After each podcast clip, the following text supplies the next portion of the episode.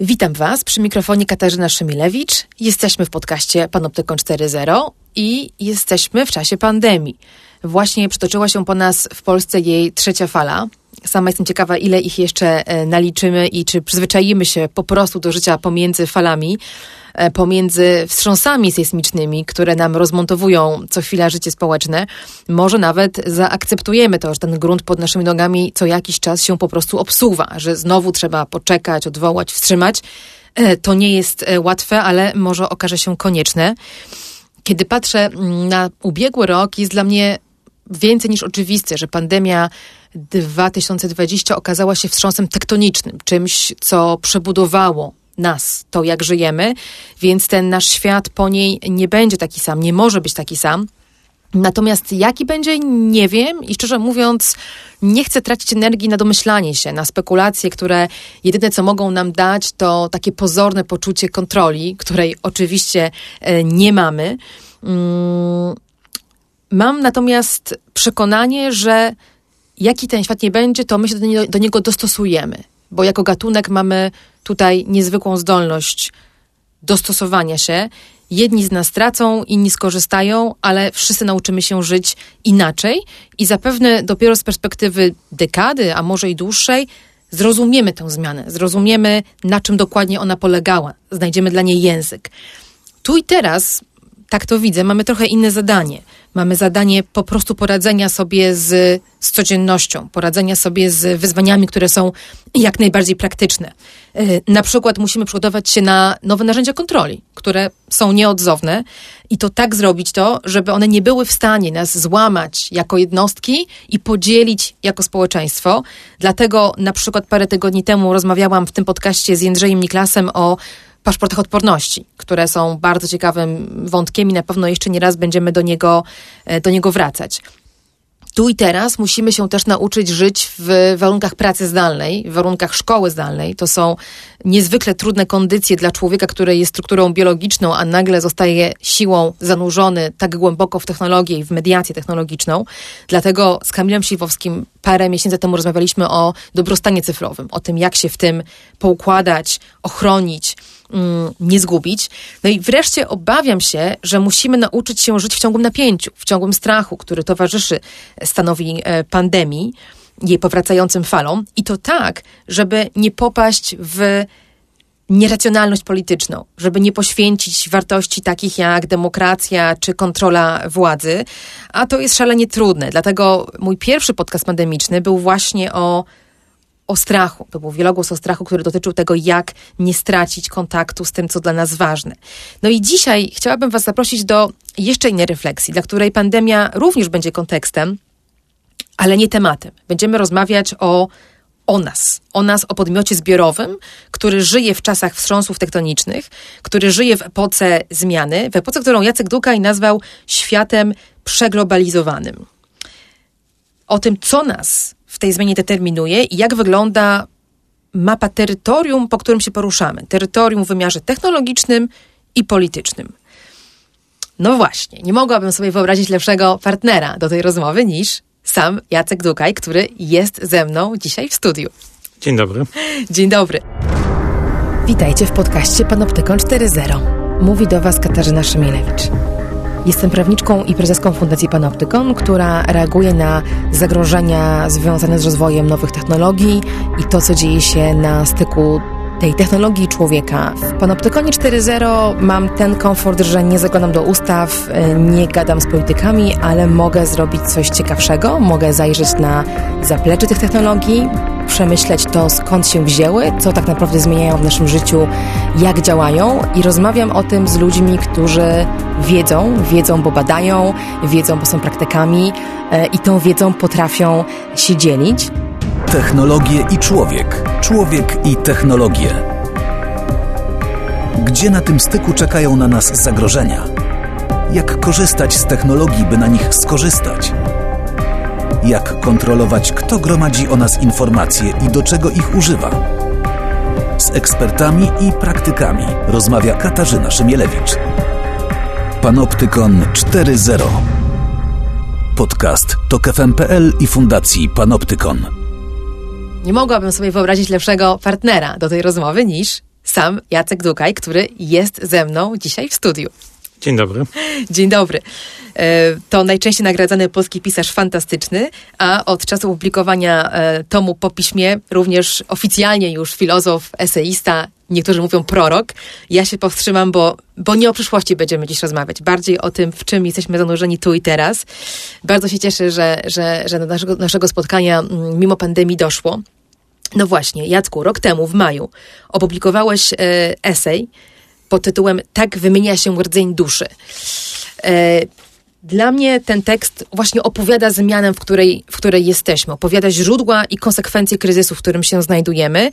Kryzysu, który oczywiście zaczął się na długo przed pandemią, ale przyspieszył przez ostatni rok bardzo. E, I ty szkicujesz co więcej, szkicujesz też zarys świata, w którym za chwilę się znajdziemy, albo może już w nim jesteśmy, świata przeglo przeglobalizowanego. Mm, sam piszesz, że nie mamy jeszcze języka na jego, na jego y, y, opisanie, że on sam nie zna jeszcze siebie, ale już szkicujesz y, główne wektory, które, które nim rządzą. No, przyznam, że po spotkaniu z tym tekstem, a stało się to już, kiedy wiedziałam, że będziemy mieli szansę porozmawiać, mm, popadłam przez chwilę w taki stupor intelektualny, w poczucie, że, że, że ja już tej rozmowy nie przeprowadzę z tobą, bo ty napisałeś wszystko. Odpowiedziałeś na pytania, które ja miałam w głowie.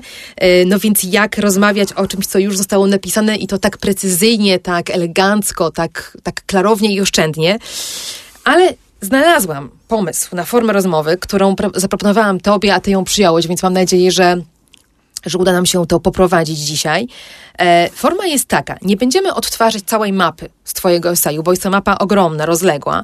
Nie będziemy poruszać się tak szeroko, ale spróbujemy poruszać się razem. Czyli e, z najciekawszej dla mnie części eseju, tak wymienia się rdzeń duszy, ja wybrałam fragmenty, które dotyczą relacji między technosferą a światem kultury i wartości.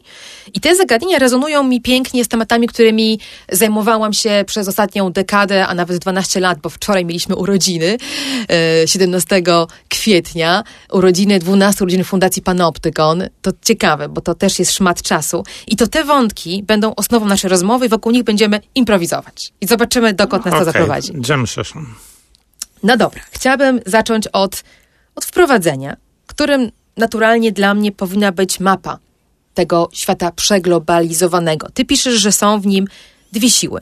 Jest deglobalizacja świata fizycznego, która traci na znaczeniu wraz z tym, jak my się przenosimy do cyfrowego i rosnąca globalizacja cyfrowa. I piszesz, że właśnie w zderzeniu tych dwóch przeciwstawnych sił ugniata się teraz mapa teatru wojen następnej dekady. Jakie są główne wektory na tej mapie? No, przede wszystkim mm, muszę zacząć od tego, że ten esej nie miał tytułu e, takiego, jaki nadano mu potem w druku w gazecie. Tytuł oryginalny brzmiał Wirus Akcelerator.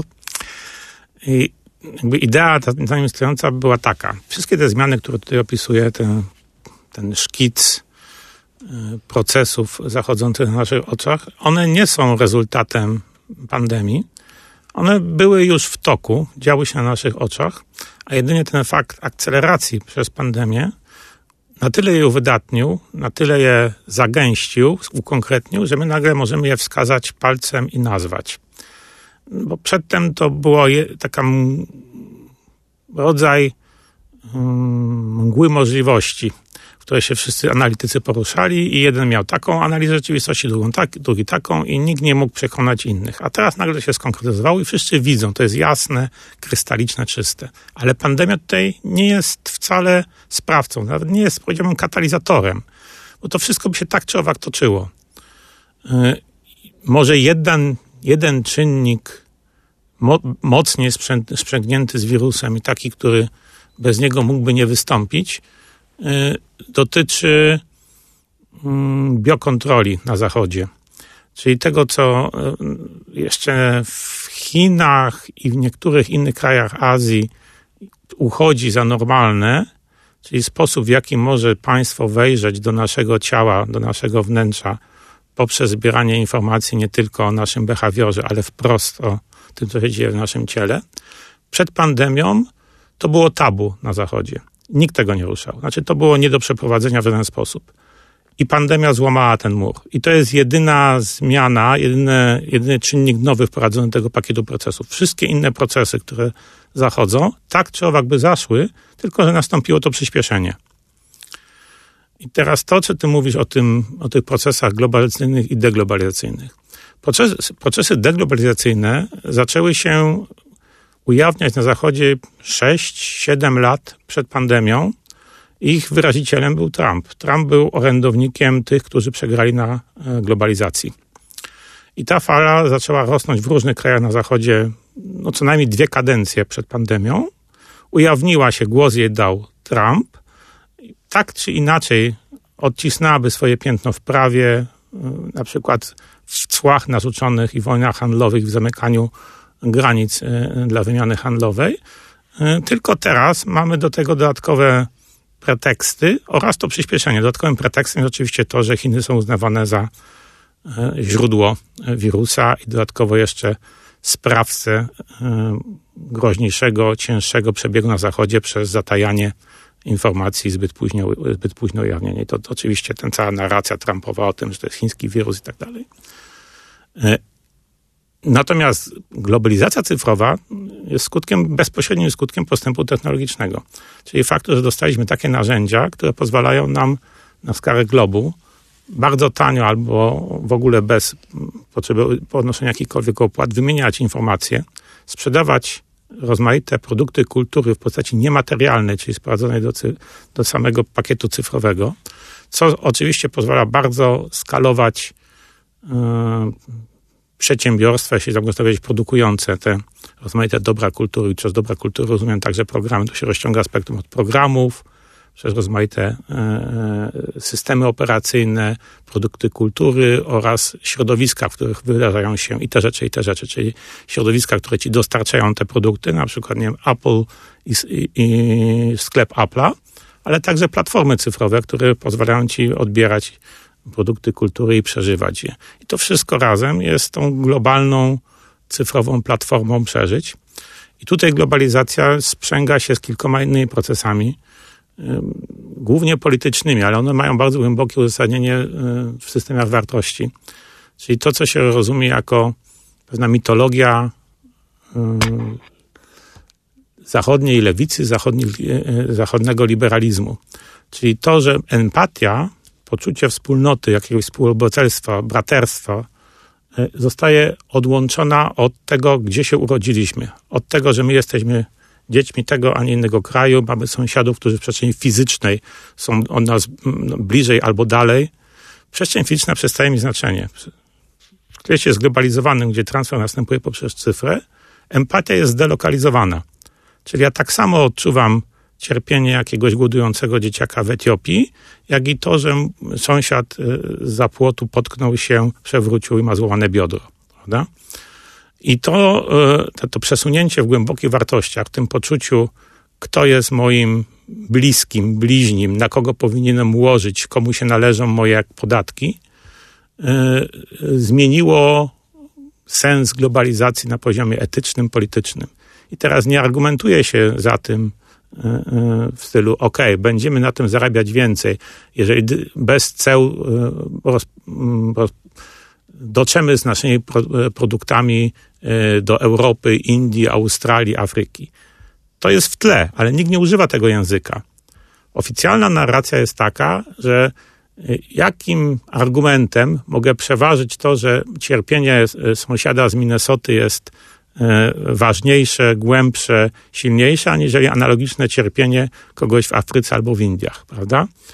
I teraz już nie, da, nie można odwrócić tego procesu na poziomie wartości. I stąd masz konflikt, i to jest bardzo głęboki konflikt tożsamościowo-etyczny pomiędzy tymi, którzy swoje poczucie dobra, zła, całą hierarchię wartości zbudowali na przeżywaniu empatii, człowieczeństwa, w sposób zglobalizowany poprzez cyfrę oraz tych, którzy je, ciągle je przeżywają w sposób zdeglobalizowany lokalnie w przestrzeni fizycznej.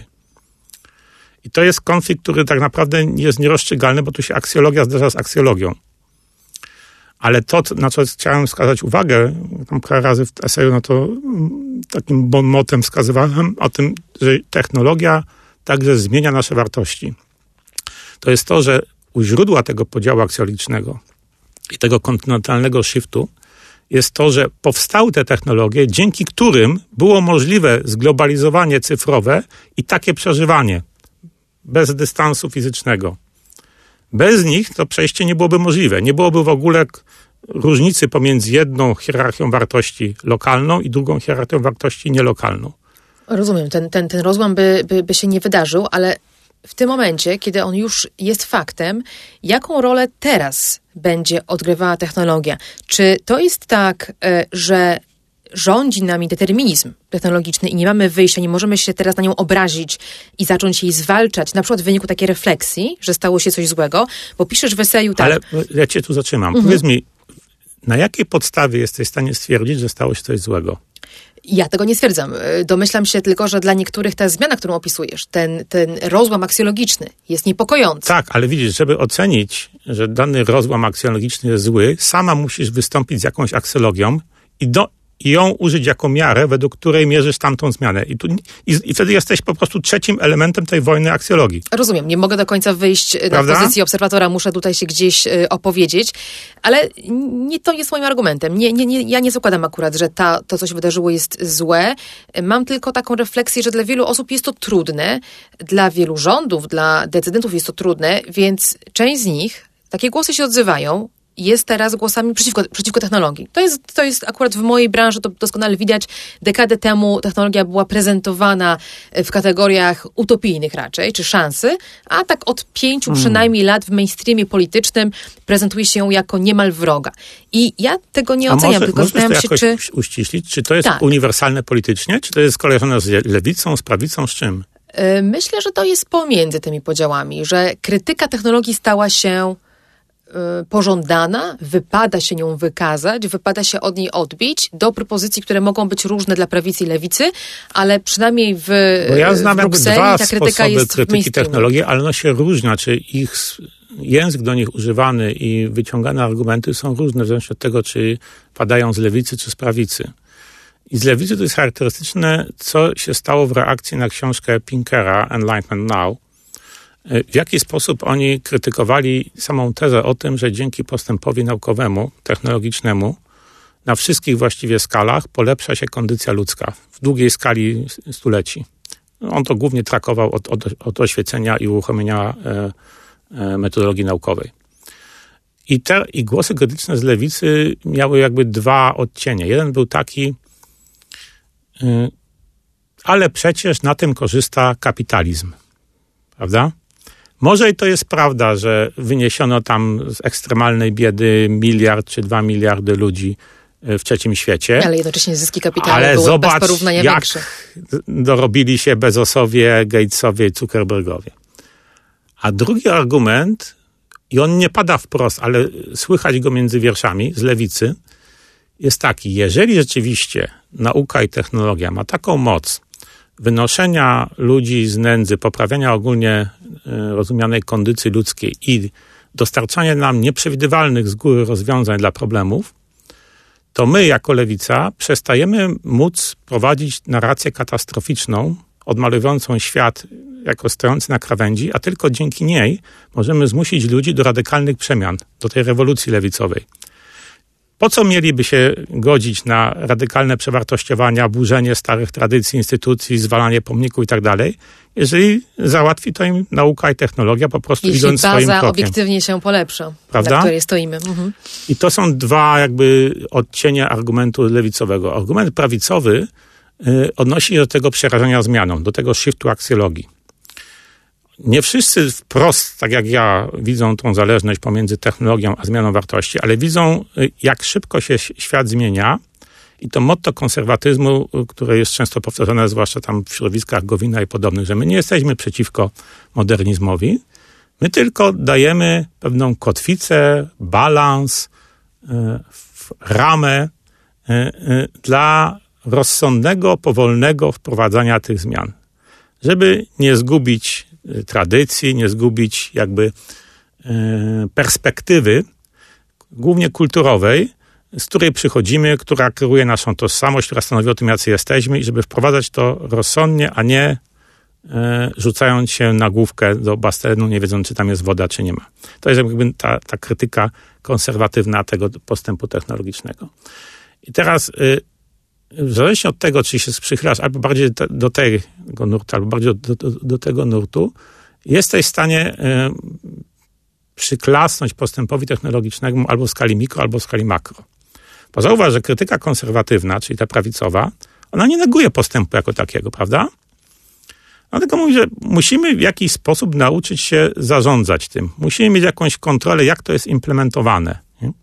No i to by się zgadzało z moją obserwacją, bo konserwatyści dużo rzadziej mówią weto, o wiele częściej lewica wychodzi z głosem katastrofalnym, Prawda? w którym prezentuje, że to zagraża lewica człowiekowi. ma tutaj obiekcję w skali makro. Tak jak w ogóle nie. w swojej książce, Prawda? która mówi, no kapitalizm nadzorczy nas zamienia w trybiki i zagraża naszej wolności tak fundamentalnie, że w zasadzie bez zniszczenia jego podstaw my nie odzyskamy Zubow, Zubow ma bardzo fajną pierwszą połowę tej książki, gdzie ona zbiera e, e fakty, fakty mhm. przedstawia rozmaite nieznane wcześniej e, wypowiedzi tych ludzi z środka tego biznesu e, inwigilacyjnego.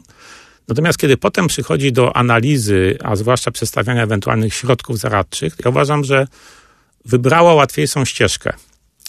Bo y, zwalenie wszystkiego na kapitalizm to jest proste. Zmieniasz system, tak, zmieniasz system eko, e, e, ekonomiczny i nie masz problemu technologicznego. Ja uważam, że problem jest znacznie głębszy. Że niezależnie od tego, jaki system ekonomiczny byłby nadbudową, to pod spodem masz te same prawa fizyki.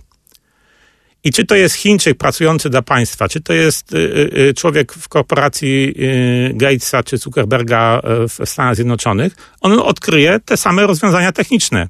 I one się będą aplikować tak samo dla, do, do ludzi, bo natura ludzka w szerokim sensie, czyli podstawa genetyczna i neurologiczna, jest taka sama. I teraz czy te pętle uzależnień, czy ta inwigilacja behawioralna i biometryczna będzie używana w państwie semitotalitarnym wschodu, czy w kapitalistyczno-korporacjonistycznym zachodu, to jest naprawdę jest wtórne. No właśnie, jeżeli możemy zanurzyć się w ten kawałek yy, nie tyle szukania winnego, bo ja sama bardzo takiej retoryki nie lubię, ale patrzenia na, na wektor siły w, tym, w tej układance z technologią w centrum, yy, piszesz w eseju tak. Bardzo trudno będzie teraz złamać Amazony, Google, Facebooki, czy to prawem antytrustowym, czy ponadkrajowymi podatkami cyfrowymi. Z kategorii noworyszy biznesu i piratów Silicon Valley, niebezpiecznych zabawek totalitarystów i utopistów przeszły w szeregi usług równie fundamentalnych, co służba zdrowia czy energetyka. Wspaniały akapit, bo jest w nim wszystko, co ja bym mogła e, godzinami rozwijać na temat tego, jak rzeczywiście kształtuje się agenda polityczna wokół e, firm spod znaku GAFA. Dokładnie jest tak, jak skondensowałaś w tym, w tym, w Ale tym nastąpiła wycinku. jedna zmiana. Po mhm. ataku na Kapitol i po tym, jak zbanowano Trumpa, politycy się obudzili. I oni poczuli, że te korporacje mają nad nimi en masse, politykami, za dużą władzę. Skoro mogli zbanować, wyłączyć, skancelować prezydenta jeszcze urzędującego Stanów Zjednoczonych, to co zrobią mnie, jakiemuś tam kongresmenowi z y, y, Ohio, prawda? I to jest klucza usług fundamentalnych, bo one są nie tylko usługami dla ludności takimi jak Amazon dostarczający szczepionki Wielkiej Brytanii, one są też usługami fundamentalnymi w znaczeniu infrastruktury krytycznej dla komunikacji. Czyli każdy polityk, który próbuje dzisiaj coś wygrać, musi w ich imperiach znaleźć sobie pokoik, żeby mówić, być słyszalnym. I to jest jakby... Ja mam, ja mam sceptyczne podejście do możliwych rozwiązań tego problemu. E, Zaczniemy od tego, że y, nie można już dzisiaj odbierać rzeczywistości w sposób niezapośredniczony. Wszystko, co nas dociera, 90% właściwej informacji, przeszło przez jakieś filtry, to są filtry cyfrowe. Odbieramy rzeczywistość z jakichś mediów, przekazaną przez takie czy inne korporacje medialne taki, na takich czy innych platformach, przez takie czy inne aplikacje, one są już tak czy inaczej sprofilowane. Nawet jeżeli my tego nie wiemy, to jest jakaś ciemna liczba informacji, kawałków rzeczywistości, które do nas nie dociera i my o tym nawet nie wiemy. No i nie mamy wyjścia, bo dotarcie do wszystkiego jest niemożliwe. Zalanie wszystkim Dokładnie. jest dla nas tragedią, więc my nie to możemy jest, tego uciec. To jest podstawa tej asymetrii, w której teraz mhm. żyjemy. I teraz słowo kluczowe cenzurowanie rzeczywistości. Kiedy my myślimy o cenzurze, to mamy ciągle jeszcze ciąg skojarzeń, który się wywodzi z PRL-u. To jest ulica Mysia, ucieczka z, ucieczka z kina To jest człowiek, który ma jakąś agendę, to jest jakiś aparat. I, I zauważ, co rozumiem sobie przez cenzurę? Że mamy jakiś teoretyczny y, dostęp do poznania, do rzeczywistości, który jest zasób informacji, zasób wiedzy, który odzwierciedla rzeczywistość. I przychodzi cenzor i on nam blokuje część tego, prawda? Czyli on nam uniemożliwia poznanie rzeczywistości.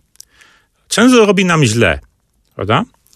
Ale teraz jesteśmy w odwrotnej sytuacji. Żeby w ogóle poznać rzeczywistość, żeby mieć jakikolwiek dostęp e, e, do tego, co się dzieje na świecie w sposób pojmowalny do, dla nas, zorganizowany, przyswajalny, musi nastąpić preselekcja. Musi nastąpić jakaś filtracja, preorganizacja tego całego kontentu, który się do nas wylewa z milionów kanałów, e, od miliardów nadających swoje życia użytkowników YouTube'a, e, Peryskopa, wszystkich tych narzędzi. Nie da się odbierać wszystkiego. Oczywiście, Prawda? to jest istota tej władzy. Ona nie jest władzą, w, którym, z której możemy się wyzwolić, odrzucając Więc jej. Cenzor jest konieczny. Mechanizm. Ja tak. używam tego samego słowa specjalnie, żeby uzmysłowić zmianę. Jasne. I nie da się żyć w tym świecie bez jakiejś cenzury. I teraz wprowadzamy cenzora. Jaka jest relacja pomiędzy nami i cenzorem? To jest relacja zaufania. My musimy mieć jakiś sposób, żeby szczerze ufać, że ten cenzor, preselekcjonując dla nas rzeczywistość, robi nam dobrze, a przynajmniej nam nie szkodzi. Na wyższym piętrze, że nie ma własnych interesów, y, które powodują, że tak, a nie inaczej profiluje dla nas rzeczywistość. Prawda? I teraz jest kluczowa sprawa. W jaki sposób ustawić taką rolę cenzora w naszej strukturze władzy? I teraz ja uważam, że jest niemożliwe pogodzenie tej rzeczywistości, w jakiej się teraz znaleźliśmy, z konieczną taką rolą cenzora z demokracją. Nie ma możliwości. Zauważ, czym jest demokracja. Masz suwerenatą demos, ludzi, którzy głosują na taką czy inną partię, na podstawie Ciągłe czego... negocjacje interesów. Na podstawie czego oni głosują? Na podstawie informacji, które zbierają z mediów cyfrowych ze świata zapośredniczonego, prawda? Tak.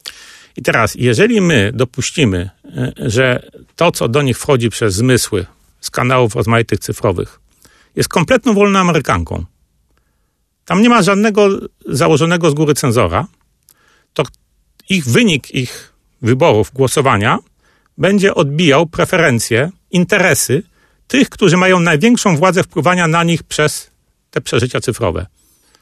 I to mi, mieliśmy już tak, przedsmak, dokładnie to się mieliśmy dzieje. już przedsmak tego przy y, wyborach w Ameryce, kiedy chodziło o to, kto ma większą armię troli, kto ma większe dostępy do y, wiedzy o y, wyborcach w Stanach Zjednoczonych.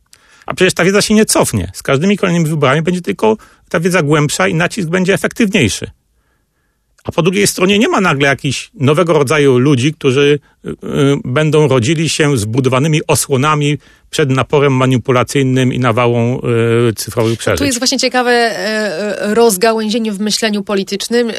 Jest takie podejście bardzo indywidualistyczne, liberalne, tak bym je określiła, w którym odpowiedzialność jest skierowana na nas, czyli rozmowa jest na temat tego, co ja jako obywatelka powinnam zrobić, co czytać, jak sobie ustawić kontrolki w komputerze, jak się edukować i moje tak, dzieci, ale, ale żeby się ochronić. rozumiesz, że istnieje tu pewna praktyczna granica. Nie jesteś w stanie wymagać od przeciętnego człowieka, że zanim odda swój głos, stanie się odpowiednikiem profesora politologii, Oczywiście, prawda? więc ja się z tą narracją e, nie zgadzam. I druga narracja, która jest mi bliższa, to jest jednak atak na zasady działania filtra. To jest bardzo ważne, żeby rozróżnić podmiot, jakim jest firma konkretna, Amazon, Google, ktokolwiek, od zasady działania. Ja mogę po funkcjonowaniu w tej sferze politycznej dekadę widzę, że łatwo jest naprawdę po rozmowie z tymi firmami wy, wyrobić sobie poczucie, że one nie są złe. Ludzie, którzy obsługują te machiny filtrujące nam treści, to nie są psychopaci, to nie są wariaci, to nie są źle życzący nam um, magowie tak, tej nowej infrastruktury. To są normalni tacy jak my, ale zasada działania tych imperiów skazuje rzeczywiście ów filtr na to, że on służy interesom reklamodawcy. Jeżeli my tej zasady nie tak, zmienimy, to w zasadzie nic nie zmienimy. Y, y, podąż na mnie trochę dalej tą ścieżką. Powiedzmy, że następuje utopijne rozwiązanie polityczne i oni się dogadują. I wszyscy ci... Oni, czyli te firmy. Firmy z politykami, Aha. prawda? Czy to będzie dobre? To będzie niebezpieczne. Zauważ, że następuje wtedy perpetuum mobile. Ci, którzy aktualnie są u władzy, utrzymują, otrzymują narzędzia profilowania strumieni przeżyć docierających do wyborców, tak, ażeby nadal wybierali tych, którzy są u władzy. Znaczy, nie ma takiej pozycji w obecnym systemie politycznym, który jest jakiś powiedzmy z grubsza demokracją, proceduralnie rzecz ujmując, w którym możesz umieścić tą pozycję cenzora, tak żeby on nie trzymał absolutnej władzy nad tym, kto jest wybierany. Dlatego, dlatego trzeba przemyśleć to inaczej, zastanowić się nad tym, czy my możemy uczynić sam mechanizm cenzorski, sam mechanizm filtrowania demokratycznym, mechanizm, a nie kontrolę nad tym, kto mechanizm trzyma.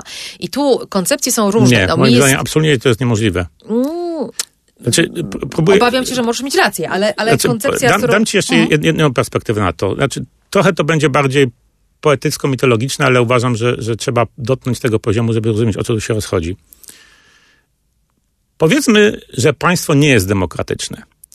Jakieś, żeby nie dotykać aktualnej sytuacji, wyobraźmy sobie jakieś fikcyjne państwo, które, e, w którym rządzi absolutny zamordysta, jakiś e, e, Erdogan, który ma kontrolę nad tym, co jego obywatele e, słyszą, widzą, czytają. Ma absolutne, e, e, absolutną wolność przesuwania tych potencjometrów. I teraz następuje rewolucja i zabierają mu tą, odbierają mu tą kontrolę. Jest wolna Amerykanka.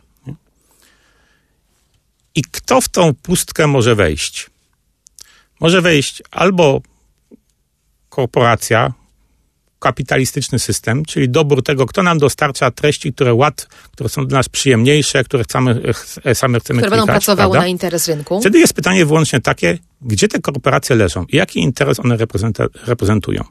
Jakie jest prawdopodobieństwo, że wszystkie te korporacje leżą wewnątrz tego państwa, tego nieistniejącego symbolicznego państwa, prawda? Prawdopodobieństwo jest bardzo, bardzo nikłe. A przy zglobalizowaniu obecnej kultury, tak czy owak, to, co będzie docierało przez te kanały, to jest projekcja kultury spoza tego kraju, spoza tego trzonu tradycji, języka, historii, prawda? Więc w bardzo krótkim czasie to, co było zamkniętą pod tym kloszem totalitarnym, y, homogeniczną kulturą polityczną, tradycji, języka, rozprzęga się na wiele rozmaitych podkultów, zależnie od tego, jaki strumień przeżyć cyfrowych do ciebie do, dociera. I wtedy już nie, nie chodzi nawet o to, że to jest demokratyczne albo niedemokratyczne, ale kończy się wspólnota. Wspólnota świata niezap- niezapośredniczonego to w, życie, w którym nie musieliśmy mieć żadnych mediów i wszystko, co nas wchodziło przez zmysły, wchodziło z tego, co widzieliśmy e, e, w naturze, w sposób naturalny cenzurowała rzeczywistość. Sama rzeczywistość była cenzorem. Ty widziałaś dokładnie to samo, słyszałaś to samo, co twoi współziomkowie. To tworzyło To samo, wspólnotę. tak, to I samo niebo, ten sam kolor nieba. Jedliście te same rzeczy, widzieliście te same rośliny, słyszeliście ten sam szum rzeki, te same ptaki, melodia języka była taka sama, prawda? To formowało wspólnotę. Ta wspólnota potem mogła być nakryta systemem demokratycznym albo niedemokratycznym, ale ona istniała jako wspólnota. Prawda? Mhm. A teraz mamy y, różne strumienie zapośredniczonych przeżyć, które formują płynne wspólnoty, niezależne od tego, gdzie, on, gdzie ich przedstawiciele fizycznie przebywają. Możesz mieszkać w tym samym bloku, ale twój sąsiad przeżywa rzeczywistość z takich kanałów. od, od tego zaczęliśmy. O tym mówiłeś, kiedy prosiłam o zmapowanie świata przeglobalizowanego, że to jest ten jeden z Tak, wektorów, którego nie zmienimy, tak Teraz myślę. mówię o, o demokracji. Teraz wyobraź sobie, że nie ma tego, to państwo nie powraca do modelu demokratycznego, ale już nie ma wspólnoty. Więc nawet jeżeli to miała być dyktatura, to ta dyktatura już nie może rządzić jednym organizmem kulturowo-historyczno-językowym, bo takiego nie ma. Mhm, jasne, ale to nie musi być złe, prawda? Ta zmiana może być po prostu Okej, kolejnym ale krokiem w wyobraź- jakimś ale naszej drodze Co w takim razie, co w takim razie jest podmiotem działań politycznych? Kto? Co? Czy to nie jest koniec e, w tradycyjny sposób rozumienia wspólnoty i dochodzimy do jakiegoś y, ekstremum y, libertarianizmu? Rozumiem. Niemożliwość demokracji w znaczeniu politycznym. Zgoda. Jako, jako, jeżeli szukamy, próbujemy tę demokrację zlokalizować na terytorium Ale ja nawet nie mówię o demokracji. Ja, zacząłem specjalnie od tego przykładu z tym pseudo-Erdoganem, żeby pokazać, że demokracja nie jest jedyną grą w mieście. Rozumiem. Również jest Są, gra rozma- o to, jaka są wspólnota. rozmaite formy legitymizacji władzy. Ale dla wszystkich tych form legitymacji, jest legitymacja władzy przez efektywność, jak Singapur, jest symboliczna, powiedzmy, w monarchiach czy w kościele katolickim, e, przez dobrobyt. No, są rozmaite formy, prawda? I teraz dla wszystkich nich musi być jedna podstawa, że istnieje wspólnota. No, ja właśnie miałam tu inną, e, inną koncepcję. Jak użyłam e, w swoim przykładzie odzyskania filtra e, słowa demokracja, nie miałam na myśli tego, że jest podmiot polityczny, który głosuje, tylko raczej to, że są różne wspólnoty, różne grupy interesów, różne grupy tożsamościowe na świecie, w, tej świecie, w, tym, w tym świecie przeglobalizowanym cyfrowym, które układają reguły dla siebie. Tak jak, nie wiem, czy jest ci jakkolwiek znany przykład działania Mastodona, takiej sieci społecznościowej, która próbuje być alternatywą dla Twittera. To jest podobny mechanizm, tylko zasada działania jest inna. Czyli i tu, i tu, i na Twitterze, i w tej sieci Mastodon mamy strumień informacji, tylko Twitter jest węzłem centralnym, który wszystkie te informacje wrzuca prze, przez swój filtr, je udostępnia i ludzie mogą sobie ten filtr twitterowy troszeczkę kalibrować, ale zasadniczo to jest Twitter, który decyduje o tym, co tam trafia, co, a co wypadnie.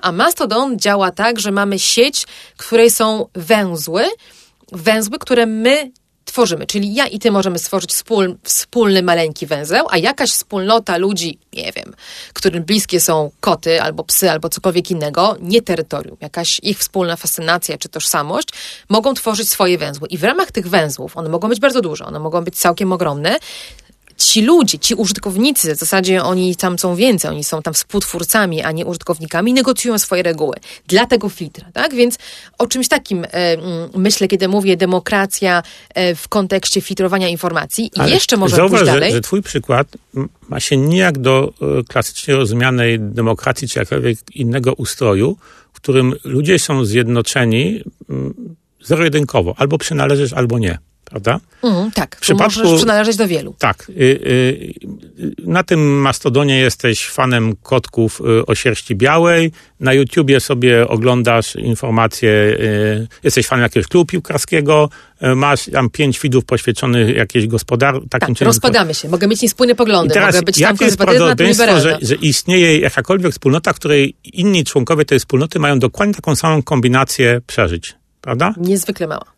Bo, ponieważ nie ma autocenzora pod tytułem rzeczywistość. Tak. Rzeczywistość już ciebie nie formatuje przez sam fakt, że ty się urodziłaś w takim, a nie innym miejscu i musiałaś widzieć, doświadczać tego samego, co ludzie o, o, urodzeni obok. Więc to, co ty podajesz, to jest tylko pewien rodzaj dodatkowego rozwarstwienia politycznego, kulturowego, a nie sposób na stworzenie wspólnoty.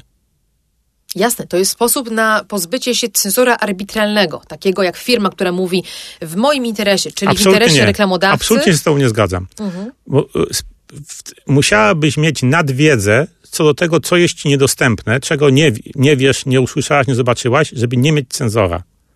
Taka nadwiedza nie jest dla nas możliwa. Fakt, że ty sobie z, z dostępnego ci zestawu informacji, zainteresowań wybrałaś akurat ten, nie pozbywa cię cenzora. Wyobraź sobie, że ja jako niewidoczny cenzor obcinam dla ciebie dostęp do 80% e, informacji. Ty w ogóle nie wiesz, że one istnieją. Ale 20%, które ci dostarczam, i tak jest takim ogromem, że ty masz poczucie absolutnej wolności, bo sobie wybierasz z tego 20. Rozumiesz? Rozumiem, ale to jest tylko wtedy, taka pułapka jest możliwa tylko wtedy, kiedy ten, e, ta firma X, już nieważne która, z, to też nie chodzi, żeby się pastwić nad, nad ko konkretnym bytem komercyjnym, bo tu chodzi o zasady działania, a nie o brand e, tegoż, e, że firma X ma kontrolę na tym, co wystawia do mojego filtra. A to, co my sobie teraz wyobrażamy w ramach reformy, którą właśnie uruchomiła Unia Europejska i w której e, takie organizacje jak Panoptykon biorą e, aktywnie udział, to co próbuję sobie tam wyobrazić, to jest nowa zasada zarządzania w ogóle danymi i algorytmami. To jest najważniejsze, bo te algorytmy są sercem tego systemu. To one są tymi, tym potencjometrem, o którym mówiłeś, prawda? To tam są te suwaki, gdzie e, mój cenzor przesuwa. Więcej kotów, mniej kotów. Więcej polityki, mniej polityki. I teraz Natomiast dopóki ktoś inny tymi słowakami manipuluje, pełna zgoda. To on ma całą władzę, a ja mam tylko ułudę. Nie, ja uważam, Natomiast jeżeli ja uważam, my możemy sami zacząć utopią, nimi manipulować, to się zaczyna robić ciekawe. Jest absolutną utopią wyobrażenie sobie, że jakikolwiek użytkownik będzie w stanie wybierać dla siebie z całości zbioru informacji o rzeczywistości te, które go interesują. To jest niemożliwe. Ale on ma tylko filtr ustawić. On nie ma wybierać informacji. On ma tylko powiedzieć, chcę dostawać... Jest niemożliwe takie racjonalne, świadome ustawienie cyt, filtru bez uprzedniej wiedzy o tym, co filtrujesz. No ale jakieś wyobrażenie mamy, prawda? Bo te próbki były nam dawane. Mamy wyobrażenie, że... Ale widzisz, jak wchodzisz w błędne koło teraz? Skąd masz to wyobrażenie? Na podstawie próbki, którą dostałam wcześniej, zgoda. Prawda? Ale jednak e, pamiętajmy jednak, że mimo wszystko, mimo wszystko, to, co nas troszeczkę ratuje, to to, że nasz cenzor to nie jest telewizja publiczna, która ma swój zespół produkcyjny, który e, generuje 100% treści. To jest jednak internet 2.0, czyli nasz cenzor ma do dyspozycji to, co my generujemy, my jako masa, prawda? I tu jednak ta władza jego ja się zgadzam, ona jest gigantyczna i ja mam z nią potężny problem, ale jednak to, co jest filtrowane, pochodzi od nas, więc jakieś wyobrażenie tego, co może Co to wpadać, znaczy to, co jest filtrowane, pochodzi od nas? ten input, ta treść, która wpada do ogromnego lejka, jaki, jaki tworzą dla nas firmy internetowe, tak, to są jednak treści generowane przez nie, ludzi. znaczy w- to jest pewna część, ale masz ogromny zasób wiedzy, który jest wiedzą o świecie, o zdarzeniach zachodzących, niezależnie od tego, czy ktoś je generuje, czy nie, wiedzą o przeszłości, wiedzą o teoriach, czyli to, co inni ludzie myśleli na temat rzeczywistości i sobie je zapisali w przeszłości. To wszystko jakby istnieje niezależnie od tego, co jaki youtuber sobie akurat nadaje albo nie. I teraz y, sposób, w jaki y, y, większość ludzi o tym myśli, jest sposobem technologicznym, czyli jak to rozwiązać. Mam jakiś problem, jak to rozwiązać, prawda?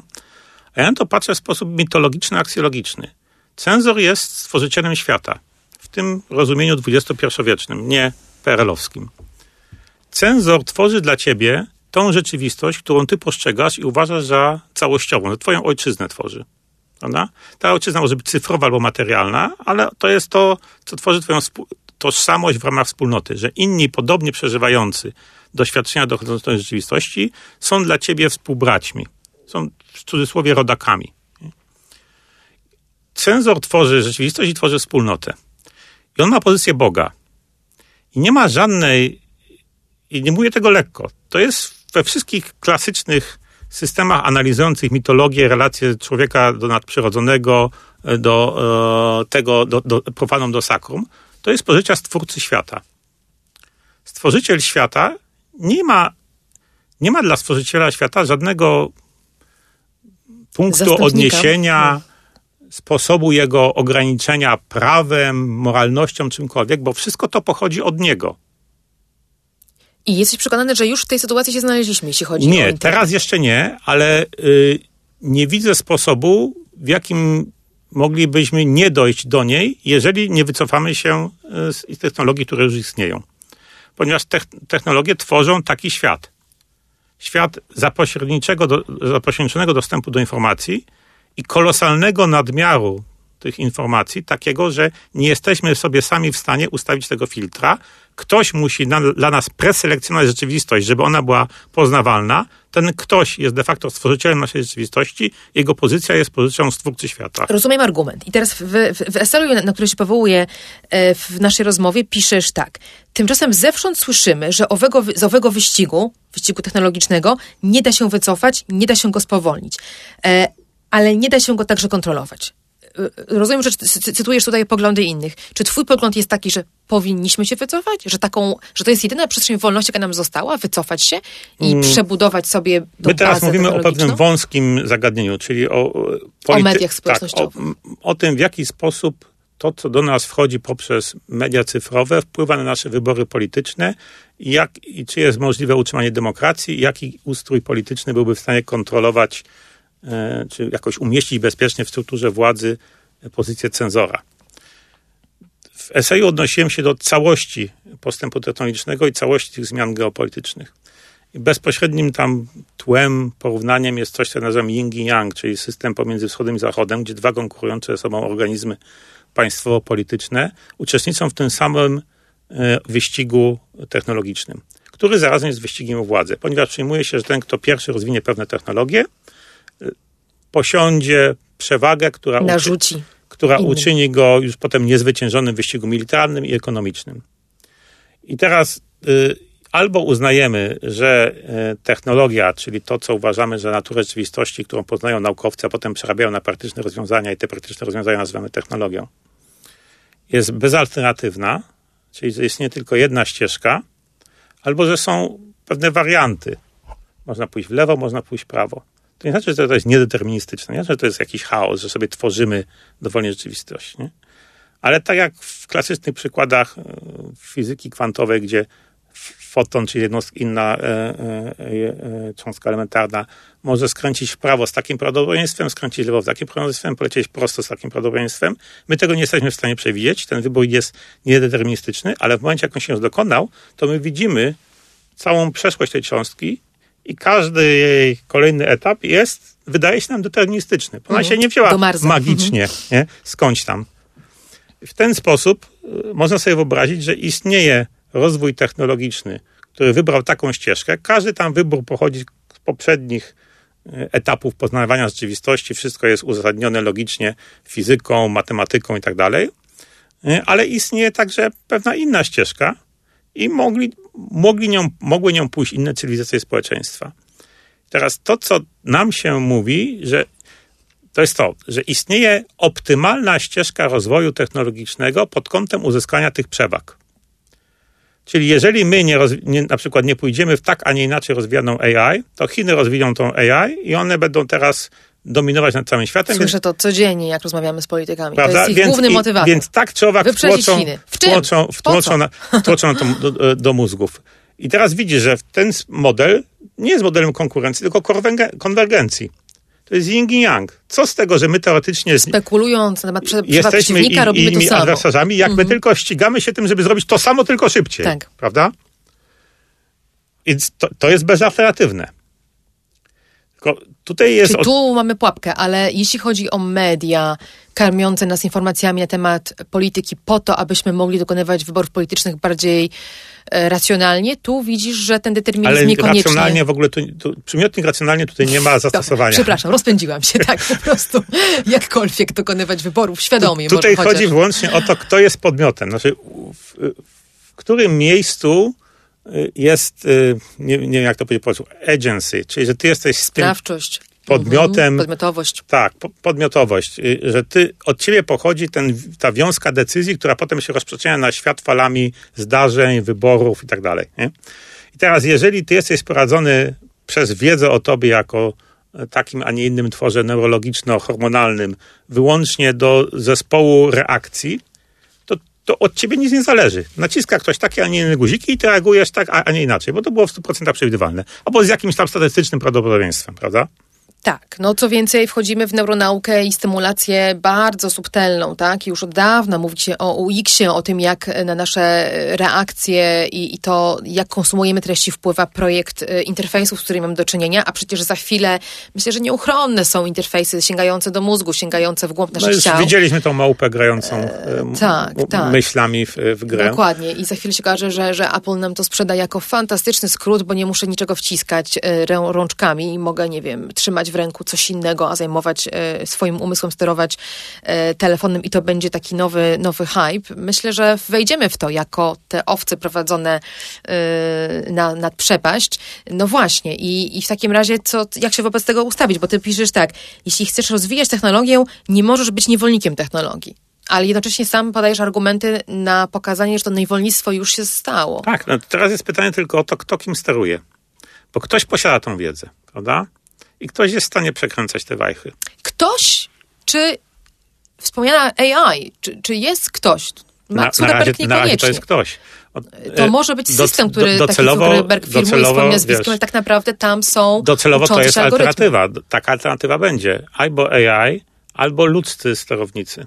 I wtedy przy, włącznie na zasadzie takiego empatycznego przywiązania do tego, no to dobra, niech już ktoś mu manipuluje, ale przynajmniej niech to będzie człowiek to my sobie wybierzemy tych arystokratów merytokracji.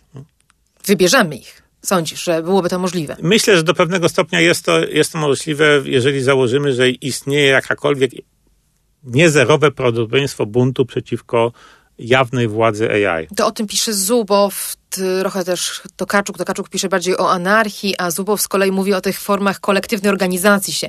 Nowe związki zawodowe, nowe spółdzielni, nowe formy zbiorowości cyfrowych, jak nie mam, no bo przecież nie opartych o, o, wspólne terytorium, bo to nie ma sensu, które mogłyby takie głosowanie przeprowadzić, ale na Facebooku widzieliśmy próby buntu, wszystkie skazane na porażkę, wszystkie symboliczne, wszystkie... Niestety tutaj jest problem taki, że nie można abstrahować od terytorium, ponieważ my ciągle jesteśmy biologicznymi bytami.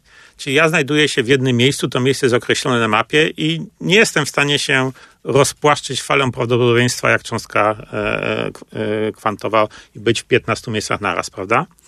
Więc y, zawsze będzie ten, ten, ten rozdarcie pomiędzy faktem, że ja jestem uwięziony w danym miejscu i obowiązują mnie prawa tego miejsca i może przyjść pan policjant z pałą sterowany przez zarządcę tego miejsca i mnie walnąć w łeb i wtedy mój mózg przestanie myśleć tak jak myśli i nagle to, co ja z siebie wypluwam do przestrzeni cyfrowej będzie miało inną treść. Albo Bo mnie policjant palnął pał, e, pałą w głowę, prawda?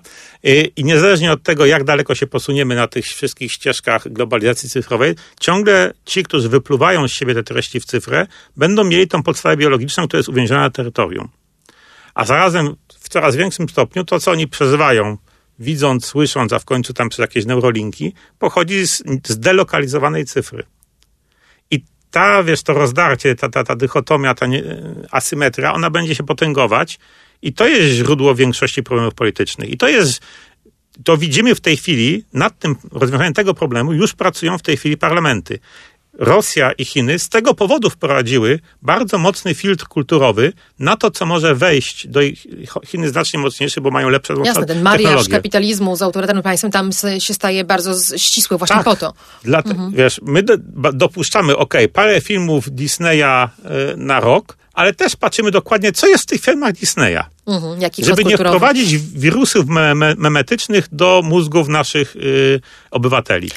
Wróćmy jeszcze do tej e, natury człowieka, którą nazywasz w eseju podstawą genetyczną i neurologiczną, bo piszesz właśnie tak, że o ile nie poddamy tej władzy także natury człowieka, wciskając go w nowe technologie tylko dlatego, że są one możliwe, nieuchronnie wyrządzimy mu krzywdę. I ja się z tym jako biologiczna struktura zgadzam, a jednocześnie przeraża mnie to, o czym z kolei pisze chyba najwięcej Harari, spekulując, że my będziemy tę swoją biologiczną naturę modyfikować, korzystając z technologii. Ja się z tym zgadzam, tylko to są, Czy dwa, to, to nie jest droga skale czasowe. To są dwie różne skale czasowe. Zmiany y, natury genetycznej, neurologicznej, to mówimy co najmniej o trzech, czterech pokoleniach. Czyli, żeby na, żeby na skalę masową, tak żeby to dotknęło całego globu, to musielibyśmy sięgać gdzieś tam do połowy XXI wieku. Uh-huh. A to, co się teraz dzieje y, w, w mediach cyfrowych i w tym wyścigu technologicznym, który wpływa na to, co wchodzi do naszych umysłów, to jest kwestia, co parę lat masz nową generację jeszcze większy nacisk, jeszcze większy nacisk, jeszcze lepsza manipulacja, jeszcze głębsze zanurzenie w przeżycia cyfrowe. To są dwie różne skale.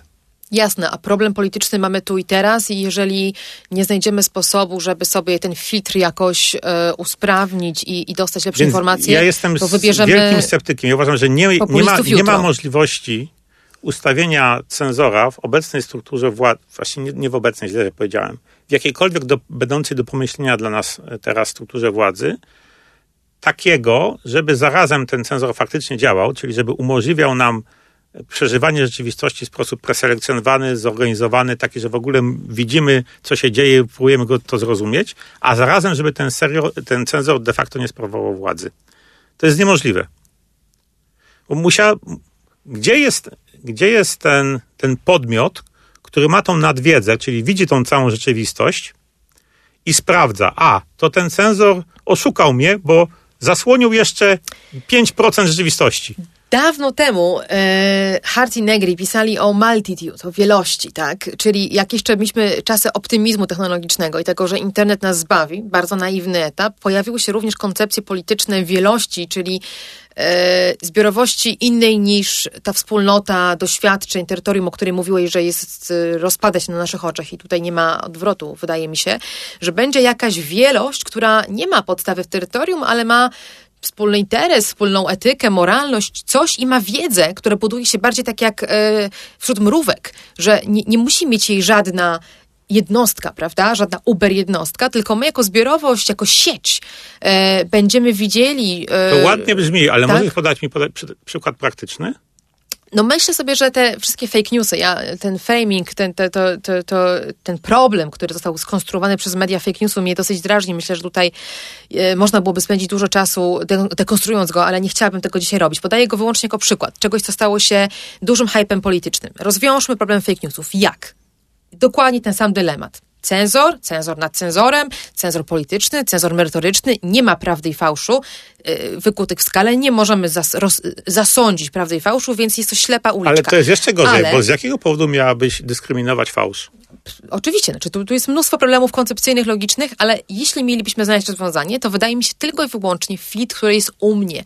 Czyli ja mam suwak na swoje potrzeby, który przesuwam, prawda, fałsz dla mnie, albo e, istotne, nieistotne. Ale to niczego nie zmienia, bo ja mogę wyprodukować ci takie subiektywne doświadczenie, które będziesz miała 15 suwaków, bardzo kolorowych, z opisami, że wszystkim będzie się przesuwała nie w tej we w te, ale zasób do, doświadczeń, przeżyć informacji, w których będzie się przesuwała, będzie dokładnie we mnie, przeze mnie preselekcjonowany. A ty będziesz miała subiektywne poczucie absolutnej wolności. To, to ten pierwszy punkt, do którego wracamy drugi raz, więc pozwól, że wyjaśnię, jak to mogłoby działać inaczej.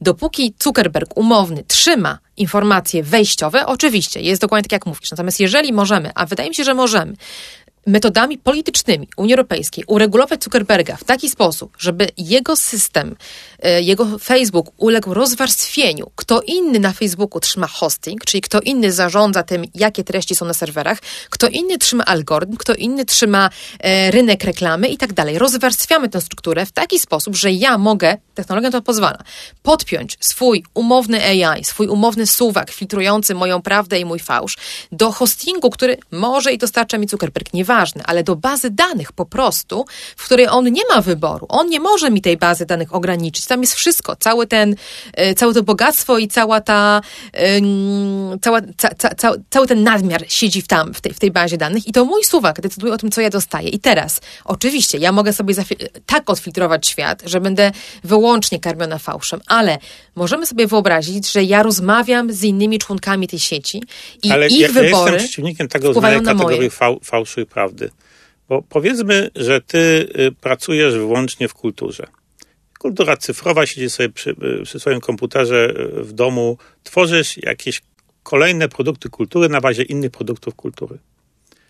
I masz jakąś tam community, której się obracasz i tak innych podobnych twórców o podobnych zainteresowaniach. Co ciebie obchodzi? Czy to, co się karmić, jest prawdą czy fałszem? Być może właśnie to, że to jest fałsz, dostarcza ci lepszego pokarmu dla tworzenia tych produktów kultury. Jasne, no ale mówimy o tym w kontekście, mówiliśmy w kontekście wyborów politycznych, prawda? I, i, i tego, że pewnie byłoby dobrze, żeby ci ludzie karmieni czymkolwiek poprzez filtry internetowe przynajmniej wiedzieli na przykład, co się dzieje w ich kraju, skoro mają zagłosować na kogoś, kto będzie tym krajem rządził. Więc na takim bazowym poziomie dostępu ja do uważam, faktów... Że, że to też jest utopia. Nie byłoby to pewnie Kto złe. będzie weryfikował to, czy e, ta informacja o tym, co się dzieje w tym kraju jest prawdziwa czy fałszywa? No myślę, że wyłącznie tak naprawdę musi, to może być wyłącznie zdecentralizowane. Nie może być żadnego ośrodka centralnego, który to robi, a więc co najwyżej ja mogę wybrać swój autorytet. Czyli jeżeli Prawda? ja wybieram sobie gazetę X, a ktoś wybiera gazetę Y... No, czyli dokładnie tak, tak, tak teraz. Tak jak teraz, tylko z większą świadomością, bo dzisiaj to Mark Zuckerberg wybiera moją gazetę, e, to on jest redaktorem naczelnym, a jeżeli ja wybiorę e, gazetę, którą, w której, chociaż wiem, kto ją wydaje, to wracam do twojego człowieka autorytetu, prawda, tej merytokracji, e, która może filtrem zarządzać. Mogę powiedzieć, moim jest ksiądz Boniecki, albo moim jest Adam Michnik, albo moim jest ktoś tam inny, tak, z telewizji publicznej, ja nieważne. straszny problem z Wybieram te postaci. Uważam, że, że i to Bardzo jest... wiele złego zrobiliśmy e, od początku naszej demokracji w Polsce, tak mocno posługując się terminem autorytet. E, I im więcej autorytetu jest w przestrzeni publicznej, tym bardziej odzwyczajamy ludzi od samodzielnego myślenia. To, że najbardziej dla mnie paradoksalną zbytką słowną jest coś takiego jak autorytet naukowy. Albo, jest, albo pracujesz w nauce i podlegasz metodologii naukowej. Mm, krytyce i, ciągłej. Prawda? Albo jesteś autorytetem i wtedy przynależysz do porządku arcybiskupów i proroków. Mm-hmm. Jedno z drugim nie ma nic wspólnego. To, co się teraz dzieje w pandemii z, z paradowaniem rozmaitych profesorów, doktorów habilitowanych i mówieniem, że ponieważ on jest profesor, doktor habilitowany, to słuchajcie, co on mówi, to to jest prawda, to jest zabójstwo nauki. Mm, jasne jak pokolenie wychowane takim rozumieniem nauki może potem uprawiać nauki ścisłe? Ja tego nie pojmuję. No, zgoda, ale sam powiedziałeś, że ta jednostka zostawiona e, sama sobie z filtrowaniem. E, ale to jakby dygresja była, bo teraz jakby wróćmy, wróćmy, wróćmy do Twojego ciągu e, argumentacji. Tej zdywersyfikowanej struktury, w której baza jest oddzielnie, tak. prawda? Kto będzie weryfikował, że ta baza jest kompletna?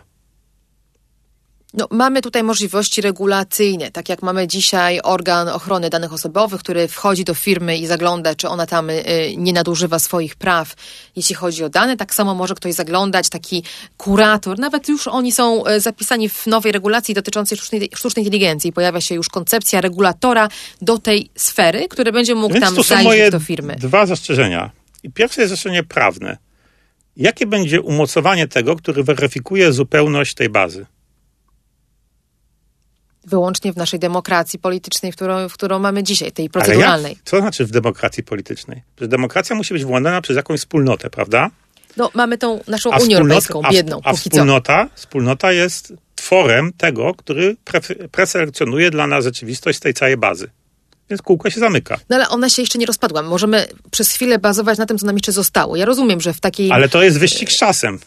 To prawda, no ale póki... Właśnie dlatego, tu zgadzam się z Zubow i innymi alarmistycznymi głosami, to jest ten moment. Jeżeli my te, tę dekadę, którą, w której teraz już jesteśmy, przegramy, czyli teraz nie zrobimy niczego, żeby przebudować sposób działania filtra, e, któremu podlegamy, będziemy pozamiatani. To, to myślę podobnie. Ale, to, Unia się moim zdaniem to okienko to jest jakieś dwa lata.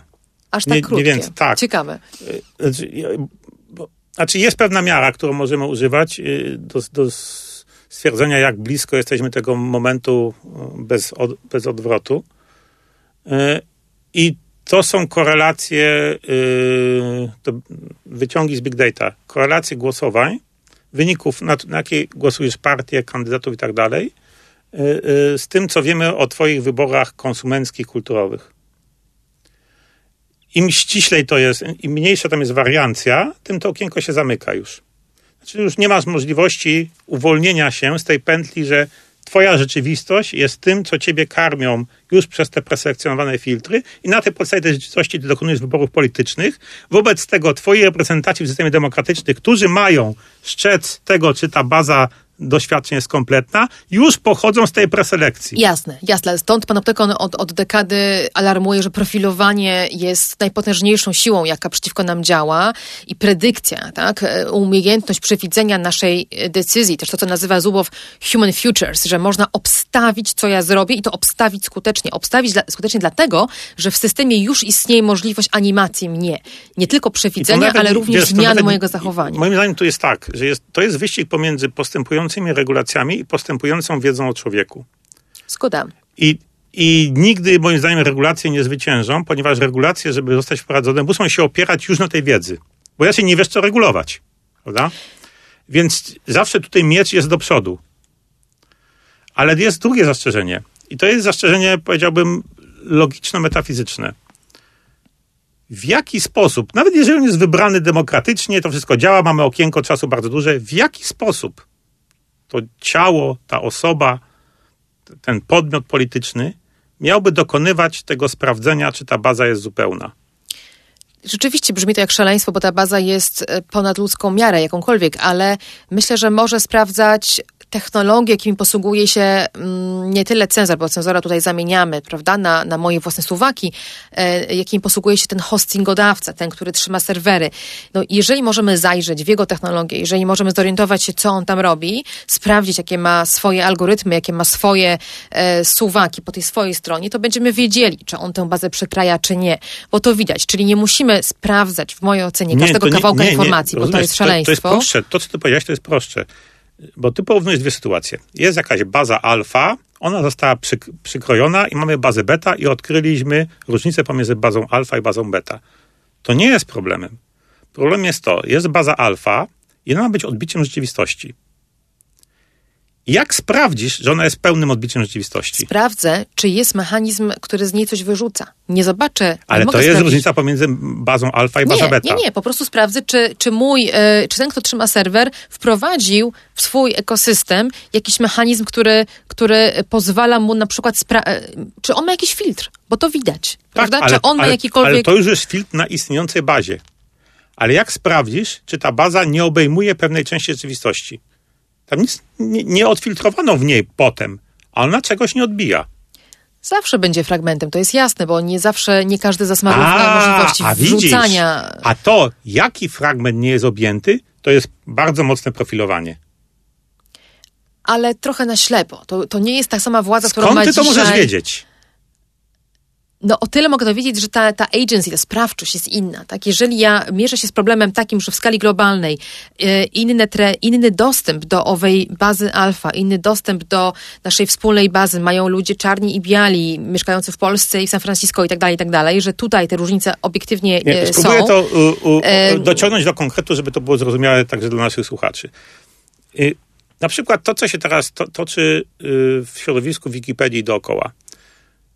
W jaki sposób profilowane są treści w Wikipedii na tematy polityczne? A nawet na niepolityczne tematy, ale jakoś skorelowane z takim, a nie innym poglądem.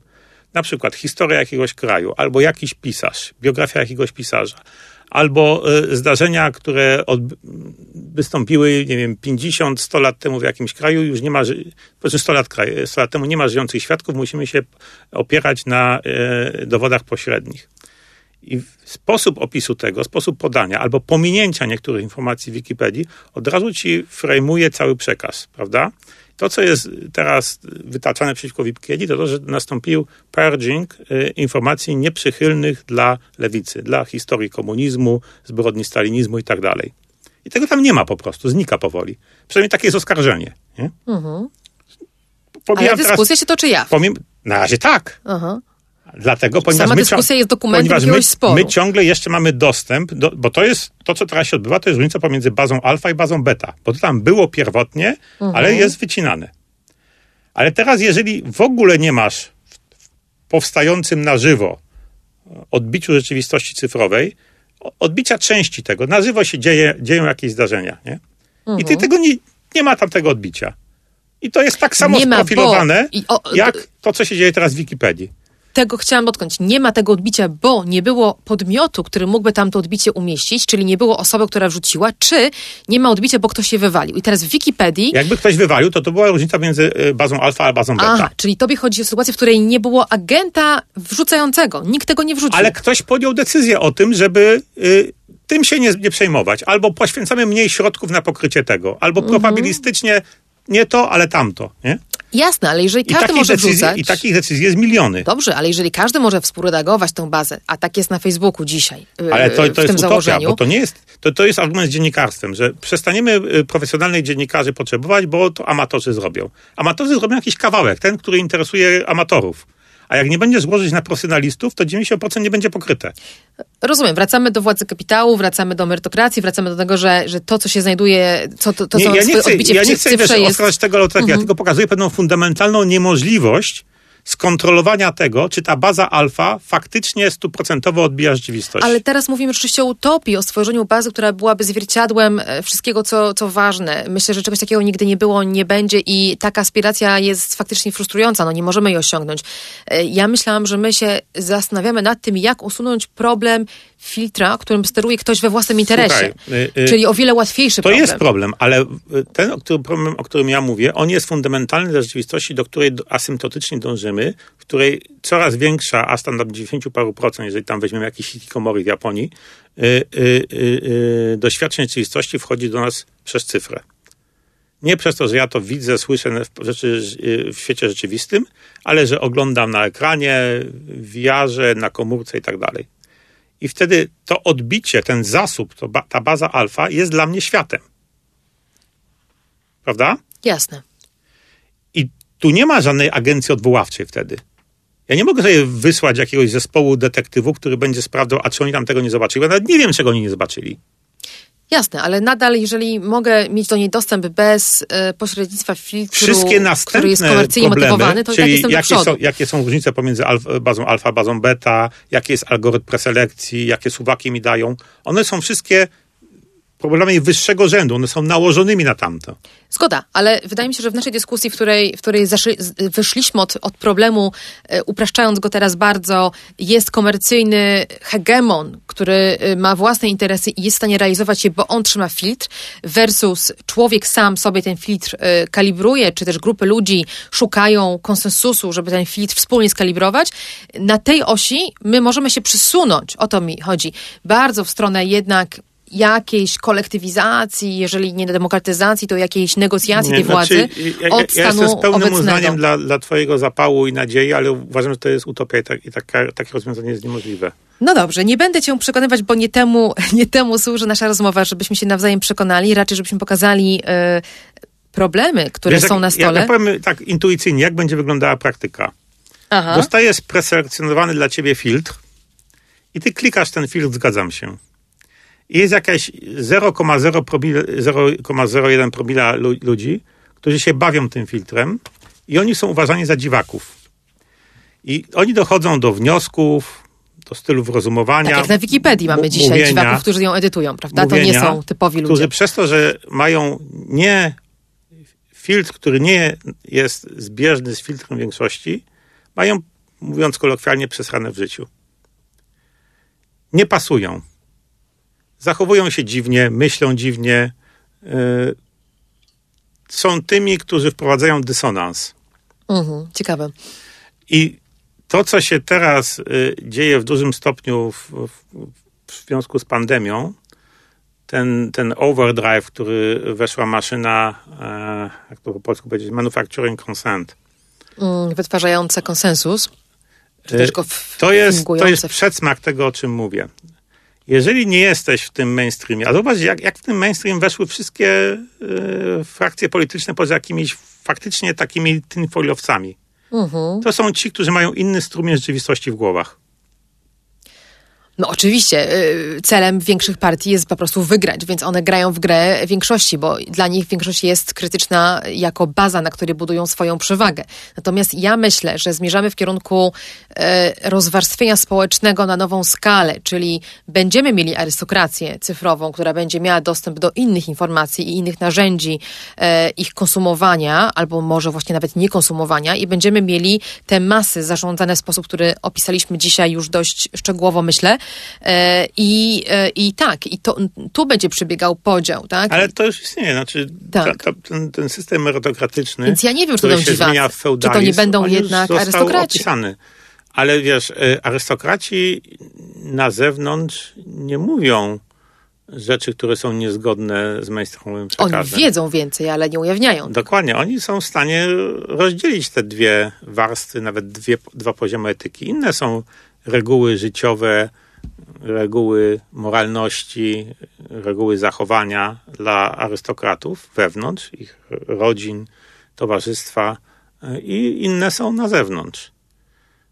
To, to, Są przygotowani do przetrwania w społeczeństwie. to nie jest, wiesz, to nie jest nowe odkrycie. Y, y, Zdumiewa nas tylko to, że nastąpiło rozdzielenie dziedziczenia od biologii. Y, Że nie ma, nie ma już tej konieczności, która występowała w arystokracji wszystkich czasów aż do XIX wieku, żeby to była kość twojej kości, krew twojej krwi. To, co się dziedziczy, to dziedziczy się wykształcenie, kulturę, e, charakter, e, e, miejsce w drabinie społecznej. Coraz więcej widzisz y, właśnie tych ludzi, stojących na szczytach rozmaitych hierarchii na zachodzie, adoptuje swoje dzieci. Tam nie ma problemu tego, że moje dziecko ma inny kolor skóry, urodziło się gdzieś indziej. Ja Ale ja je- formę. Mhm. Tak. To, co jest dziedziczone, to jest bardzo rygorystyczna na poziomie tresury edukacja i ta edukacja jest wartością.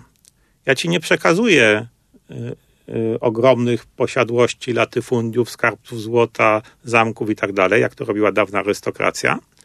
Ja ci przekazuję wiedzę, wykształcenie, charakter, w które zainwestowałem fortunę. Ale ty w tej formie, posiąwszy ją, sam sobie zdobędziesz te bogactwa. Bo dzięki swojej Będziesz mieć dostęp do nie, szczytu władzy. nie zakłóconej, znaczy nieskłamianej. To nie jest fałsz. To nie jest tak, że ty przekupstwem się tam dostajesz. Ty faktycznie jesteś inteligentniejszy, bardziej kreatywny, bardziej sprawny, bardziej motywowany, ciężej pracujący. Wobec tego znajdujesz się na szczycie. No i tutaj pytanie, czy to już zmierzając do, do, do, do, do, do końca, bo myślę, że musimy z całym bólem, to stwierdzam, e, czy to jest droga, którą mamy na swój własny rachunek jednak hodować, pielęgnować taką zdolność krytycznego myślenia. E, Też tak piszesz na zamknięcie swojego eseju. Obserwujmy, co się dzieje w naszych głowach. Myślmy o naszych myślach. Osądzajmy nasze sądy. Jest bardzo piękna rada. Pytanie, jak sądzisz, co może zbudować naszą zdolność do takiego myślenia, skoro jesteśmy karmieni tym, czym jesteśmy karmieni? Praktycznie to ja uważam, że to są dwie drogi. Jedna to jest y, tak, o której pisałem po piśmie, czyli droga pewnego y, wyciszenia emocjonalnego, emocjonalnego i zdolności do myślenia na poziomie idei abstraktów, która się wiąże z zanurzeniem w pismo. Bo y, bardzo dużą zmianą, która właśnie jest pochodną zmian technologicznych, jaka zaszła w naszych społeczeństwach i w ogóle w dyskursie politycznym i kulturowym, jest przesunięcie z poziomu logiki argumentów na poziomie emocji. Teraz wszystko, co się rozgrywa w kulturze i w polityce, rozgrywa się na emocjach. I wszyscy są tego boleśnie świadomi. Zasadniczo politycy i... Boleśnie i, lub z radością z tego korzystają. Tak, i spin doktorzy są inżynierami emocji. Nie ma znaczenia, y, jaki jest związek pomiędzy pobudzeniem emocjonalnym a faktami, y, czy też jakimś rozbudowaniem logicznym, no to już jest kompletna abstrakcja. Chodzi tylko o to, kto ku, jak, ku jakiemu celowi skutecznie pobudził emocjonalnie większość. To jest całość. Więc jeżeli chcesz się zdobyć na taką autorefleksję, to musisz być przynajmniej mniej podatny na te pobudzenia emocjonalne. I to, co, I to, co chroni przed tym, to jest właśnie rodzaj zanurzenia w tą sferę idei, abstraktów, myślenia kategoriami, czyli także to, co jest podstawą dawnych metod kształcenia, czyli zanurzenie młodego człowieka w taki tryb studenta Talmudu.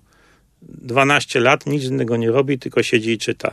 I potem rozmawia o tym, co przeczytał, a potem pisze o tym, e, o czym rozmawiał. Wysoka poprzeczka, ale przyjmuje. A, a, a ale, druga? To, ale słuchaj, ale ta, e, jeżeli patrzymy na obecnych arystokratów e, merytokracji, to oni tak formatują swoje dzieci.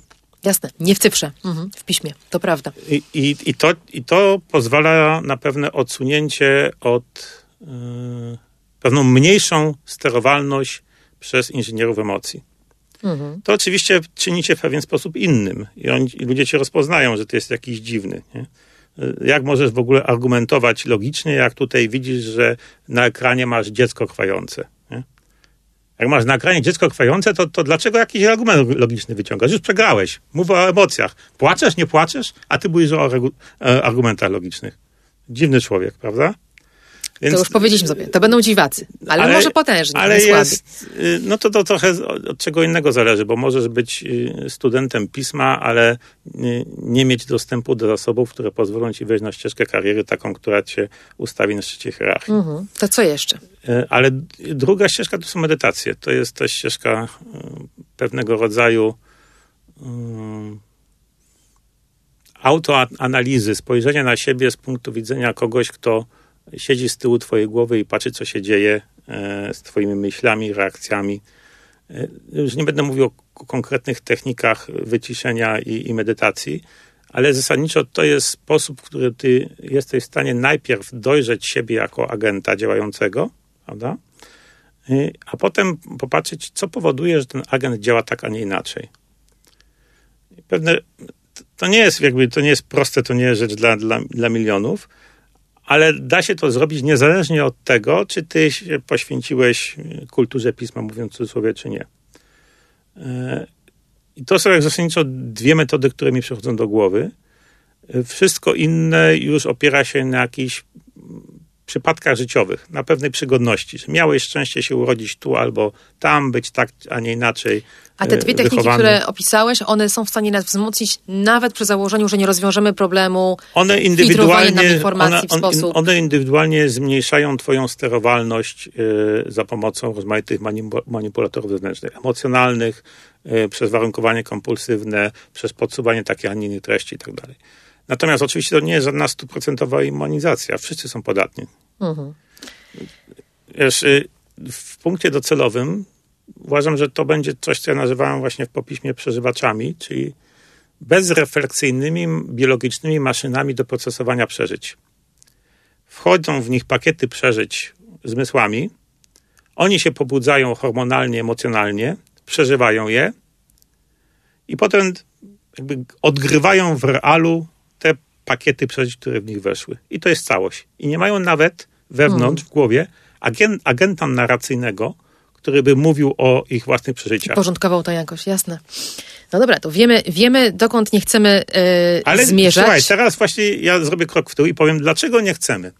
Bo ja uważam, że to, ta zmiana jest nieuchronna Jest tylko pytanie o to, jakie będą proporcje pomiędzy przeżywaczami, a mówiąc to mówię czysto symbolicznie, studentami pisma, talmudystami e, i jaka będzie ich rola w społeczeństwie. Ale Jaki tak będzie konflikt? Czy oni są tak, w stanie żyć w, ale tak czy owak, w pokoju ze sobą? 90 parę procent globalnej populacji to będą przeżywacze. Myślę, że, że już tak jest i że też tak było e, w świecie nawet sprzed, sprzed tej dominacji cyfry, tylko co innego stanowiło o przeżywaniu, co innego te emocje Nie, generowało, jednak, szukaliśmy wiesz, ich. Były dwie, dwie podstawowe różnice.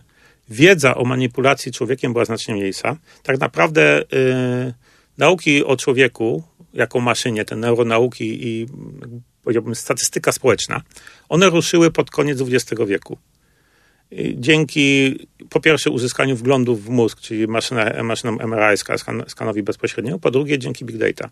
Mhm. I wszystko, co było wcześniej, to było tak naprawdę jakimś prologiem przed biegiem. Jak sobie porównasz skalę wiedzy teraz i, i powiedzmy w latach 50. XX wieku, no to to jest, wiesz, dwie różne nauki. To w ogóle nie ma porównania. Nie? I druga rzecz, że jednak w znacznie większym stopniu defaultem było pismo, czytanie. I nawet, ty nawet nie musiałeś... Ten element telmodyczny był wpisany w edukację, więc każdy tak, trochę go nie musiałeś uszczknął. być namiętnym czytelnikiem, ale ty odruchowo aspirowałeś do takiego sposobu argumentacji, myślenia, zachowania. To już przeminęło i nie wróci. No dobra, czyli mamy, mamy autentycznie y, nowy stan. Żyjemy w erze przeglobalizowanej, w erze cyfry i teraz e, zarysowują się nowe podziały. Obyśmy umieli w tym podziale się aktywnie znaleźć i przynajmniej wybrać ścieżkę, A teraz ja zadam pytanie y, tobie. Jaką wy widzicie dla siebie rolę jako panoptykon? Czyli czy wy jesteście bardziej edukatorem, strażnikiem, czynnikiem politycznym? To jest coś, co po 12 latach rzeczywiście e, nie przestaje mnie nurtować. Do tej pory myśleliśmy o roli fundacji jako o bycie, które stoi na dwóch nogach. Ma nogę świadomościową i ma nogę watchdoga, czyli rob, próbuje robić obie te rzeczy, próbuje pracować z ludźmi po to, aby oni rozumieli problemy i umieli się wobec nich krytycznie ustawić i dali nam legitymację do działania jako ta druga noga, czyli watchdog pilnujący tych, którzy mają realnie władzę i tam angażujący się już w bardzo konkretne procesy polityczne z nadzieją, że regulacje takie czy śmakie, najczęściej unijne, rzadziej polskie, wprowadzą pozytywną zmianę w tym świecie w tym świecie zarządzających filtrami, tak? E, w tym momencie a, a, wydaje mi się, że, że... Jak oceniasz swoją sprawczość, sprawczość panoptykonu w ogóle? Myślę, że wykonaliśmy ogromną pracę na plus w sferze świadomości i edukacji. W sferze polityki wygrywamy wojny po to, żeby otwierać kolejne fronty i odkrywać, że poprzednie zwycięstwa już nie mają większego znaczenia, bo pojawiły Ale się nowe. wam się konkretnie udało na tym froncie politycznym? Tak, tak, tak. Teraz tego nie będę w to wnikała teraz, bo, bo musimy dobiegać do, do mety, ale mamy takie, rozliczamy się sami ze sobą w, w rocznych takich raportach, które publikujemy zawsze, kiedy przychodzi kwiecień, a dopiero co e, właśnie kwiecień się teraz e, przetacza, więc mogę odesłać na stronę Panoptykonu, gdzie takie bilanse konkretnych zwycięstw politycznych robimy.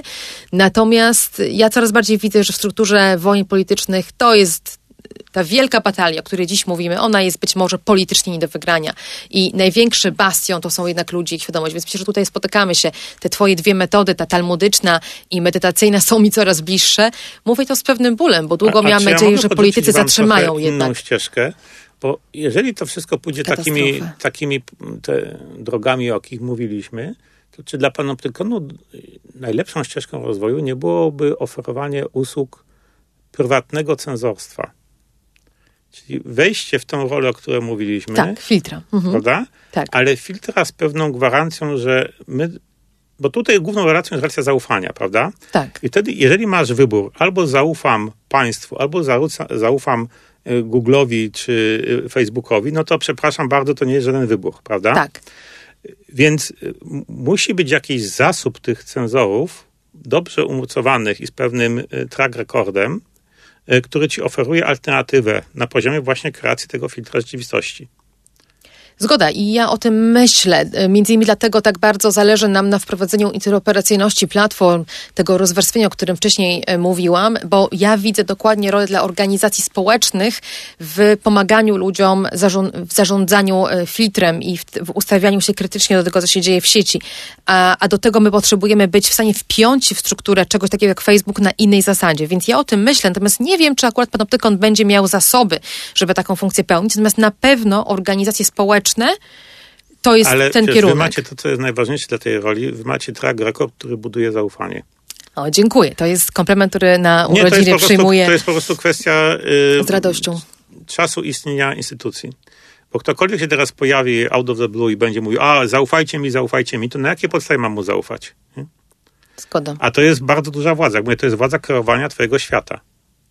I teraz y, y, za chwilę, przypuszczam, zaczną już powstawać tego typu, ja widzę prekursorów y, y tak, y, tych firm w postaci takich y, aplikacji jak Ground News. Nie? Czyli to są rzeczy, które uświadamiają ludziom, jaki mają bias i pokazują im pewne spektrum informacji. To widzą republikanie, to widzą demokraci, to jest twój blind spot. I ci podsuwają przed oczy dokładnie ten blind spot. Mhm. Ale oczywiście to wszystko jest jakoś preselekcjonowane. Ja, ja ciągle nie mam dostępu ani do bazy alfa, tak. ani tym bardziej do e, testu rzeczywistości do mhm. bazy alfa. Nie? Więc, ale to już jest pierwszy krok. I, I to są komercyjne przedsięwzięcia. I to będzie narastać, bo będzie potrzeba tego, żeby ludzie przejmowali, a przynajmniej, a przynajmniej poczucie kontroli nad tym, jak jest filtrowana ich rzeczywistość. Zgoda. Widzę w tym ogromną rolę organizacji społecznych i to jest też jeden z argumentów, dla których my tak bardzo walczymy o interoperacyjność i też to, to piszemy. Dobrze, to kończymy tę rozmowę zadaniem do przemyślenia dla mnie. Kończymy ją konkretnymi dość wskazaniami dla Was, jeżeli chcecie ćwiczyć się w sztuce krytycznego myślenia e, i odklejania od, od roli przeżywaczy. Ja bardzo za tę rozmowę dziękuję. Był ze mną Jacek Dukaj, a mówiła do Was Katarzyna Szemielewicz. Do usłyszenia. Technologie i człowiek. Człowiek i technologie. Gdzie na tym styku czekają na nas zagrożenia? Jak korzystać z technologii, by na nich skorzystać, jak kontrolować, kto gromadzi o nas informacje i do czego ich używa. Z ekspertami i praktykami rozmawia Katarzyna Szymielewicz. Panoptykon 4.0 Podcast to KFM.pl i Fundacji Panoptykon.